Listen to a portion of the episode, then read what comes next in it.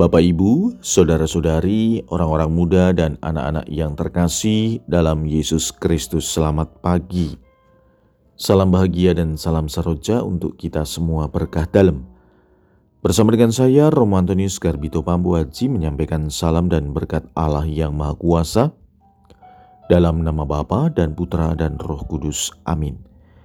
Hari ini Senin 7 Maret dalam hari biasa Pekan Prapaskah pertama.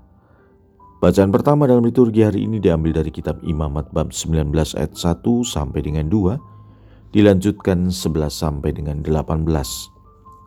Bacaan Injil diambil dari Injil Matius bab 25 ayat 31 sampai dengan 46.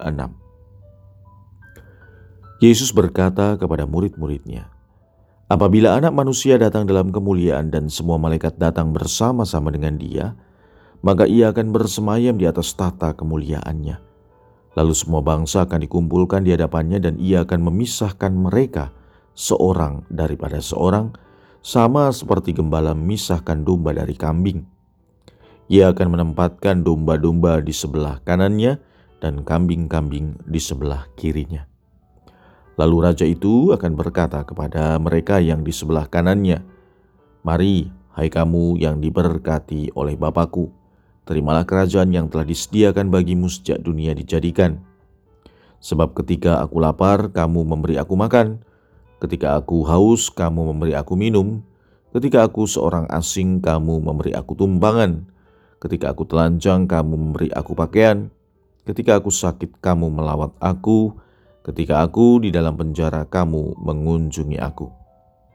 Maka orang-orang benar itu akan bertanya kepadanya, Tuhan, bila manakah kami melihat Engkau lapar dan kami memberi Engkau makan, atau haus dan kami memberi Engkau minum? Bila manakah kami melihat Engkau sebagai orang asing dan kami memberi Engkau tumpangan, atau telanjang dan kami memberi Engkau pakaian? Bila manakah kami melihat Engkau sakit atau dalam penjara dan kami mengunjungi Engkau? Maka raja itu akan menjawab mereka, Aku berkata kepadamu, sesungguhnya segala sesuatu yang kamu lakukan untuk salah seorang dari saudaraku yang paling hina ini, kamu telah melakukannya untuk aku. Dan ia akan berkata juga kepada mereka yang di sebelah kirinya, Enyahlah dari hadapanku, hai kamu orang-orang terkutuk. Enyahlah ke dalam api yang kekal, yang telah disediakan untuk iblis dan malaikat-malaikatnya. Sebab ketika aku lapar, kamu tidak memberi aku makan Ketika aku haus, kamu tidak memberi aku minum. Ketika aku seorang asing, kamu tidak memberi aku tumpangan. Ketika aku telanjang, kamu tidak memberi aku pakaian. Ketika aku sakit dan dalam penjara, kamu tidak melawat aku.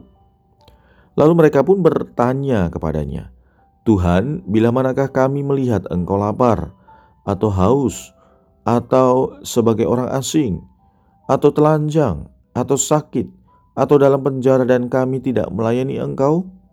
Maka ia akan menjawab mereka, Aku berkata kepadamu sesungguhnya, segala sesuatu yang tidak kamu lakukan untuk salah seorang dari saudaraku yang paling hina ini, kamu tidak melakukannya juga untuk aku. Dan mereka ini akan masuk ke tempat siksaan yang kekal, tetapi orang benar masuk ke dalam hidup yang kekal. Demikianlah sabda Tuhan. Terpujilah Kristus. Saudara-saudari yang terkasih dalam Yesus Kristus. Saat ini kita berada di pekan pertama masa Prapaskah. Dalam bacaan pertama hari ini Tuhan bersabda melalui Musa supaya umat Israel dapat mencapai kekudusan karena Tuhan kudus adanya. Kuduskanlah kamu, sebab aku Tuhan Allahmu kudus. Apa yang dapat kita lakukan untuk mencapai kekudusan? Hal yang paling utama adalah kemampuan kita mengasihi Tuhan sekaligus sesama. Tuhan tidak hanya sekedar mengajak kita untuk menjadi kudus, Ia juga memberikan perintah yang harus kita taati supaya menjadi kudus. Perintah-perintah itu pada prinsipnya merupakan ungkapan kasih kepada Tuhan dan kepada sesama. Semua orang yang setia mengikut perintah dan ketetapan Tuhan akan mencapai tujuan hidupnya, yakni menjadi kudus. Maka masa prapaskah menjadi kesempatan bagi kita untuk mencapai kekudusan itu. Lewat kisah Injil hari ini, Tuhan Yesus sendiri menjanjikan supaya setiap orang dapat tinggal bersama Dia. Ini adalah gambaran harapan kekudusan yang dicapai oleh manusia. Orang juga akan tinggal dalam kasihnya selama-lamanya. Dan untuk mencapai hal itu, kita sebagai murid-murid Tuhan harus berani berbuat baik melayani kaum miskin dan papa. Karya amal kasih merupakan salah satu wujud kebaikan yang harus dilakukan. Perbuatan baik dapat menjadi terang yang bersinar bagi banyak orang dan supaya mereka juga dapat memuliakan Bapa di surga. Saudara-saudari yang terkasih, marilah pada masa tobat ini kita membangun hidup tobat sejati dengan mengasah hati kita untuk semakin peduli terhadap sesama yang sangat membutuhkan.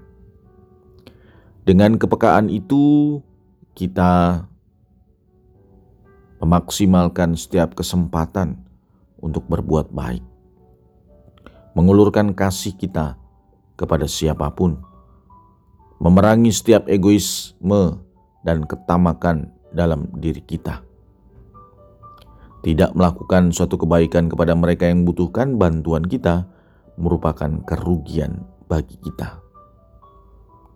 Sebaliknya, ketika kita memberikan dan mewujudkan kasih kepada mereka yang digambarkan dalam Injil hari ini, maka kita menghadirkan wajah belas kasih Tuhan. Marilah kita berdoa. Ya Tuhan, semoga masa yang penuh rahmat ini dapat kami isi dengan berbuat baik dan benar bagi kami dan bagi sesama. Berkat Allah yang Maha Kuasa, dalam nama Bapa dan Putra dan Roh Kudus. Amin.